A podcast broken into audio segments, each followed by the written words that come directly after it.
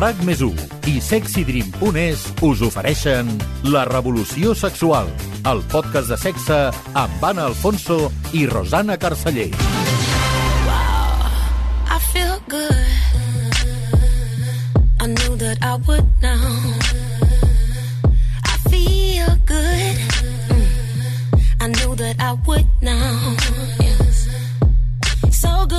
So good, so good, so good, so good.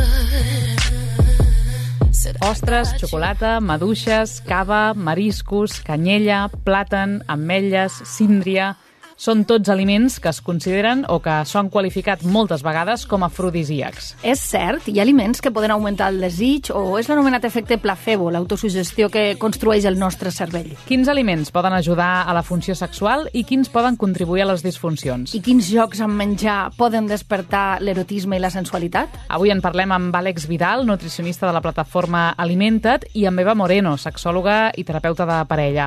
Tots dos, Eva, Àlex, benvinguts a la Revolució Sexual. Ben trobats. Gràcies. Primer de tot, està comprovat l'efecte afrodisíac d'alguns aliments o és més una qüestió de suggestió de cadascú com efecte placebo? Ara ja venen una mica les males notícies. Està demostrat que no. No hi ha, no hi ha d'alguna manera, algun aliment o nutrient que sigui especialment capaç de despertar el desig sexual. Però sí que hi ha molta gent que s'ho pensa, no? Que hi ha molts... Uh, que aquests aliments sí. que hem dit, les ostres, les maduixes, el cava, que són afrodisíacs, sí. que et provoquen ganes de sexe. Sí. A veure, a nivell nutricional, clar, jo sempre me'n vaig a el que és la nutrició pura i dura. Vale? A nivell nutricional no hi ha cap eh, aliment o nutrient. El que passa és que sí que és veritat que els aliments són més que un sac de nutrients i molta gent els, els eh, relaciona amb, amb el desig sexual o amb, per exemple, doncs, eh, ocasions especials. No? Jo sempre poso l'exemple de l'alcohol. Una copa de cava sempre s'utilitza o es consumeix en moments així festius o especials, però en canvi no deixa de ser una beguda alcohòlica i tothom sap que a partir de certa quantitat l'alcohol és tot el contrari per tenir una bona funció sexual. I a consulta et trobes gent que, que es sí. pensi que existeixen els afrodisíacs? Sí, això m'ho diuen. De fet, em, em pregunten, igual que em pregunten aliments per lluitar contra una anèmia, o em pregunten quins aliments són els que funcionen per tenir un millor rendiment esportiu, a vegades em pregunten, digue'm, uh, un llistat d'aliments o de nutrients perquè jo pugui millorar les meves relacions sexuals. I això no és així, però és veritat que llavors, pel que has explicat, el nostre cervell ens pot jugar a favor en aquest sentit. La suggestió que dèiem sí que pot tenir un paper important, no? Sí, és a dir, a nivell, torno, a nivell nutricional, una, diguéssim, correcta funció a nivell cerebral participarà, però d'una manera indirecta. És a dir, si jo no tinc cobertes altres necessitats podríem dir, més bàsiques, en el que és la nutrició no podrà solucionar problemes d'aquest estil. El menjar i el sexe sempre s'ha dit que tenen punts en comú. Francisco Javier Cudeiro, que és catedràtic de Fisiologia Humana de la Universitat de la Corunya, al llibre Paladear con el cerebro, escriu això. El que tenen en comú el plaer sexual i el gastronòmic són els circuits del cervell que fan servir per abocar la percepció de plaer. Són pràcticament els mateixos. Qualsevol activitat que ens proporcioni plaer, sigui una relació sexual o la satisfacció de saciar la gana, estimula aquests circuits i activa el mecanisme de la recompensa. En aquest cas, la recompensa és una sensació més o menys duradora de plaer, de manera que estem inclinats a repetir aquesta mateixa activitat sempre que sigui possible. Per això el sexe té tant d'èxit. Eva, què et sembla? I estàs d'acord? Menjar i sexe són equivalents a plaer o ho haurien de ser i per això ens agraden? Estic totalment d'acord, disculpeu la veu, estic absolutament d'acord. A més a més de tot el que és sistema neuronal es veu afectat, que això són coses que ens passen però que no ens adonem, no tenim consciència de que passen, sí que hi ha sentits que intervenen directament en el, en el menjar i en el gaudi sexual, com és el sentit del gust, no? Un petó, una llepada a la pell, això ens activa, no? Llavors un bon menjar també aquest sentit del gust l'activa, el sentit de l'olfacte és un dels sentits més importants en les relacions sexuals. Tu no estaràs en cap persona que l'olor que fa no t'agrada, no? I amb el menjar una mica passa. Pots menjar un aliment que potser no t'agrada l'olor, però després sí que et confon el gust i llavors això et provoca doncs, que t'agradi, no?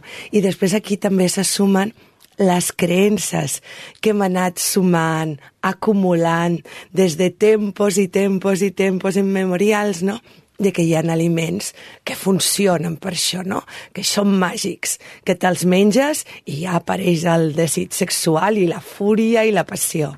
Quins serien aquests aliments? N'hem dit alguns a la introducció, eh? però que sempre s'han associat a l'erotisme. Quins són els que, per exemple, Àlex, et diuen a tu, els, els, els pacients? El, el marisc, per exemple, tot el que sigui nostres i de més, uh, les maduixes és un clàssic, Uh, de fet, jo les maduixes sempre les utilitzo com a exemple. O sigui, una, la mateixa maduixa uh, amb nata o sense nata o com sigui, en unes situacions pot ser molt interessant, però si les maduixes formen part d'un menú a un polígon a no sé on, que estàs allà, a nivell sexual allò no desperta uh, pràcticament res. A nivell nutricional la maduixa és la mateixa la, ens aporta els mateixos nutrients i en canvi el mateix aliment eh, en diferents situacions canvia molt. Aquest és un exemple que demostra que tot i que hi hagin vincles o relacions amb, amb segons quins aliments i poder sexual, eh, si ho analitzes, diguéssim, a nivell científic, és, és, és molt, molt fluix. La xocolata, uh -huh. no? que és un, un gran clàssic, també, en realitat, totes les fruites no? tenen aquest component, moltes vegades no només uh, per, la, per la forma que tenen, no? el plàtan, eh, la papaya, el meló, tenen aquesta mirada que associem amb aquest component sexual també per la forma que tenen i per l'ús que podem fer de la fruita, no? Uh -huh. A banda d'això, de, de si són afrodisíacs o no, eh, hi ha alguns aliments que són beneficiosos per a la funció sexual i que per les seves propietats poden ajudar, contribuir a tenir una millor vida sexual? A veure, hi ha alguns nutrients, com per exemple el, el zinc, que sí que és veritat que està present en aliments com per exemple el marisc, fruits secs, llegums i de més, altres vitamines, les, les que se'n diuen liposolubles, com la vitamina A o la vitamina E, que sí que d'alguna manera participen, torno a insistir, indirectament des del punt de vista més fisiològic purament dit, per exemple, a nivell de sistema cardiovascular, que sí que té molt a veure amb el que és el, la funció. Jo potser parlaria més de... A nivell nutri... La nutrició té molt a veure amb la funció sexual el desig sexual crec que no té a veure amb la nutrició, seria una miqueta la diferència. No? Has dit la vitamina A i la vitamina E. Uh -huh. I quins aliments serien rics en aquestes vitamines, per, per exemple? Sí, la vitamina A i la vitamina D pertene, eh, formen part del grup que es diuen liposolubles. Això vol dir que són solubles amb, amb greixos. Per tant, hem de buscar eh, aliments que tinguin greix d'aquest que es diu saludable, vale? per exemple, d'origen vegetal, fruits secs, l'oli d'oliva verge, uh, verge extra poder ser, uh, també és una font molt interessant. Tots els làctics que siguin sencers, vale? la llet uh, sencera, iogurts i de més i derivats, també són fonts d'aquestes vitamines. Perquè el greix dels làctics que són sencers són el que té aquestes uh, vitamines, Exacte, no? sí. Mm. És l'entorn on, diguéssim, aquesta vitamina fa la seva funció. I recordem els que has dit també rics en zinc? Per exemple, tot el que és marisc, fruits secs, tot el que siguin eh, llavors, pipes, i cosetes d'aquest estil també podem trobar fonts d'aquest mineral. Perquè aquest nutrient, eh, la funció que té és també pel sistema cardiovascular o també té altres funcions? Participa molt amb sistema cardiovascular i amb, i amb el sistema immune. Però clar, és el que dèiem, ja ens anem... O sigui, beneficis d'aquest nutrient o d'aquest mineral, molts. Relacionats amb el tema sexual, no tants. És aquest el tema. I de la mateixa manera que hi ha aquests aliments que, encara que és indirectament, tenen una millora en la funció sexual o podrien arribar-la a millorar, hi ha aliments que contribueixen a les disfuncions sexuals? Sí, podríem dir que hi ha aliments que a nivell sexual o fora del sexe mm, sempre resten. Un d'ells és, el, per exemple, l'alcohol, el que dèiem abans, no? En segons quins moments o en quins àmbits o amb quin marc pot ser interessant, però a partir de segons quines quantitats o quin... la cosa ja va cap avall, mai, mai millor dit. L'Eva vol dir alguna cosa? Sí, jo, perquè jo d'aliments no en sé, l'especialista és ell, però sí que és veritat que les persones que tenen un, un estil de vida, vida saludable, que s'alimenten correctament, que fan esport, allunyen les malalties. I llavors hi ha moltes malalties que porten associades medicacions que provoquen o bé disfuncions sexuals o bé que provoquen doncs, aquesta uh, manca de desig sexual, ja sigui perquè eh, no eh, inhibeixen el rec sanguini, doncs, malalties cardiovasculars, colesterol, eh, tensió arterial, de tot el que està vinculat amb la, amb la depressió, no? Llavors, allunyarem aquestes malalties que desconnecten del desig sexual, si més no ens dificulten, si tenim un estil de vida saludable, llavors no ens haurem d'ajudar amb, un, amb una medicació que no afavoreix la connexió amb el desig sexual. Uh -huh. I com associem el desig sexual amb que és una cosa que ha d'aparèixer màgicament, no entenem eh, que ens, aquesta medicació ens pot afectar. I a banda de l'alcohol, Àlex, has citat l'alcohol, però hi ha algun altre grup d'aliments, no sé, per exemple, ultraprocessats, que sempre es parla com a que és el pitjor que podem consumir si volem tenir una alimentació saludable, també poden tenir un paper en la funció sexual?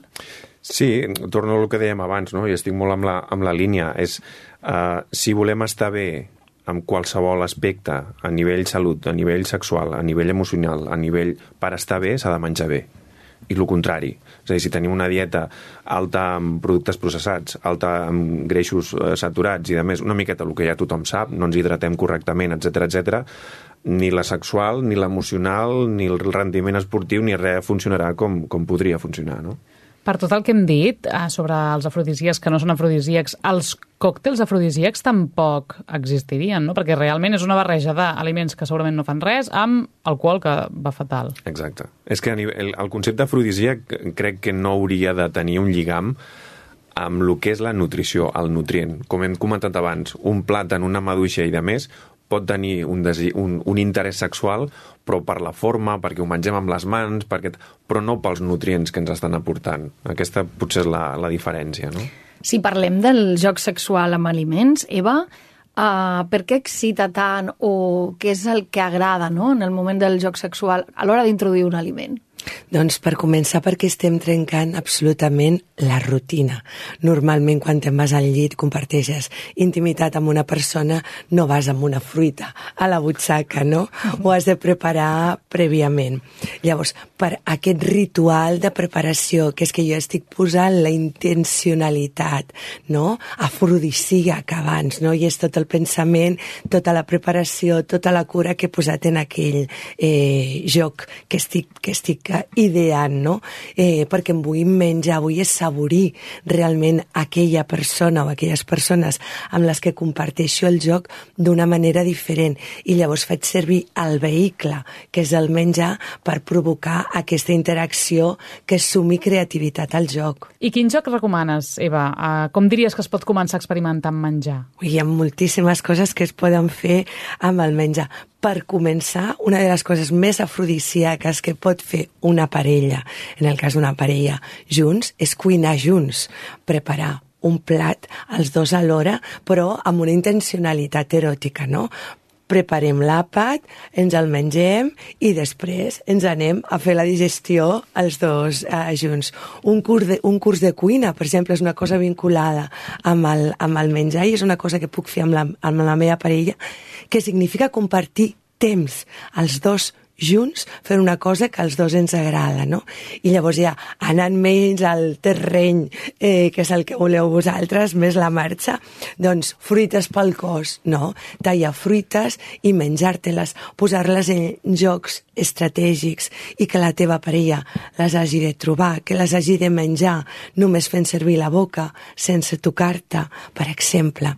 Amb la, amb la xocolata, pues, dibuixar lletres al cos, formes, que l'altra persona les hagi de llepar o endivinar què és el que estàs dibuixant, jugant amb les temperatures de la, de la xocolata. Pues a l'hora d'estimular un penis, per exemple, jo puc fer servir un meló, una papaya, un tros de síndria, no? Prepararé bé la zona perquè tot això regalima i acabarem ben pringats, però és igual, després ens anem a la dutxa. Però són jocs que, a més, ara que ve el bon temps, doncs són molt refrescants i molt divertits, no? I, a més a més, saludables. Puc jugar amb, el, amb la beguda. Jo no recomanaria begudes alcohòliques perquè això pica i llavors podem emportar una sensació desagradable després. Llavors, una beguda la que vulguem, eh? però que no sigui ni molt sucrosa tampoc en el cos, perquè si toca amb els genitals tot el que té molt de sucre, especialment en nosaltres, pues pot provocar una certa... facilita les infeccions, anem a dir. Però a veure... Tenim moltes jo, preguntes, no, Eva. Jo sempre dic, a veure, un moment de passió no te'l treguis. Posa't una bona natilla a la vulva i que te la llepin bé i després te'n vas a rentar-te. Però no t'ho perdis, això. Ara, sàpigues que si tu deixes en allà hores perquè et quedes clapada, doncs igual després tens una sorpreseta, no? Però pel sucre, és a dir, és el, El sucre sucre. el que facilita la infecció, perquè Sí. suposo que els, bac els bacteris es reprodueixen més, o? Exactament, facilitar la, la producció de, de candidats de TC-TC. És a dir, que si fas servir nata, per exemple, és millor que sigui sense sucre, no? Bueno, i la nata jo no la recomano gaire, però, no, però feu-la servir. Tingueu l'experiència de quedar-vos agres i el cos tot tallant de la nata i enganxós, però tingueu l'experiència, és a dir, no ens privem de gaudir aquest moment, perquè a més a més posarem un gran afrodisíac al llit, que és el del sentit de l'humor, no? que ens hem de riure una mica i treure-li aquest pes de, de, de, institucional a la sexualitat. No? Ara que parleu de la nata, clar, hi ha molts aliments o molts productes així que poden afavorir, que poden fer molt divertit el sexe oral, no? Clar, totalment, totalment. La nata, la xocolata, el gelat, un bon gelat ara, no? A l'estiu també ve molt de gust, que comences amb la bola de gelat i no saps on acabarà la bola, no? El típic glaçó, que el vas passant per tot el cos calent i provoques aquest contrast de, de temperatura. I, I després dins el món de la joguina eròtica hi ha un munt de coses que ens afavoreixen també aquest posar el sentit del, del gust i de l'olfacte en acció, no? I fer treballar molt més les papil·les gustatives, no? És que hi ha molts uh, condons de sabors, per exemple, o lubricants amb gustos o sensacions que t'estalvien potser el... Potser són una mica menys eròtics, però t'estalvien els problemes que et pugui donar el menjar, aquest que dius de les infeccions, per exemple. Sí, però i, i els tens al calaix de la taulita de nit i són com mos, molt més accessibles, molt més fàcil, no? Però jo insisteixo, el punt aquest de ritual de dir, vinga, va, ens anem a preparar un festín, no? Mm. Una, una bacanal eh, de, de fruites, doncs eh, també té el seu, el seu punt divertit. Doncs hem parlat d'aliments afrodisíacs i joc sexual, amb menjar. Ens han acompanyat l'Àlex Vidal, nutricionista de la plataforma Alimenta't, i també l'Eva Moreno, sexòloga i terapeuta de parella. Moltes gràcies a tots dos per aquesta estona. Moltes gràcies, un plaer. Un plaer. La revolució sexual, amb el suport de sexydream.es. Amb sexydream.es, el sexe no té tabús. Descobreix joguines eròtiques per a tothom, kits eròtics per compartir, llançaria i una pila d'idees sexis i atrevides per innovar i gaudir del sexe com mai.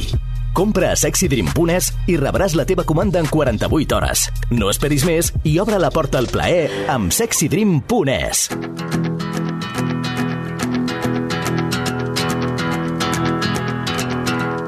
Sento l'olor de l'enemic que s'atensa misteri. Adéu sol.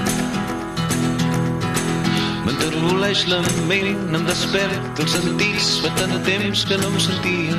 I avui acabem el capítol recomanant-vos un llibre que és un recull de relats eròtics, Sexe fora de norma, editat per Raig Verd. Les autores de Sexe fora de norma són les 13 finalistes del Premi de Literatura Eròtica Feminista, un recull de relats que ens parla d'una sexualitat diversa i inclusiva, allunyada dels estereotips de la pornografia i del sexe falocèntric. No és el primer cop que aquests relats eròtics es converteixen en llibre. L'edició d'aquest any és la que té els gelats a la portada i totes les històries responen a un mateix marc temàtic, el sexe sense penetració.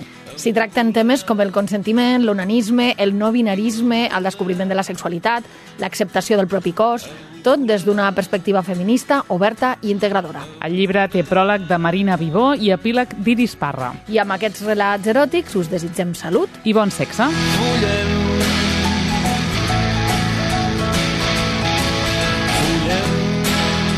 RAC més i sexydream.es us han ofert La revolució sexual, el podcast de sexe amb Anna Alfonso i Rosana Carceller i amb Àlex Arriol al control tècnic.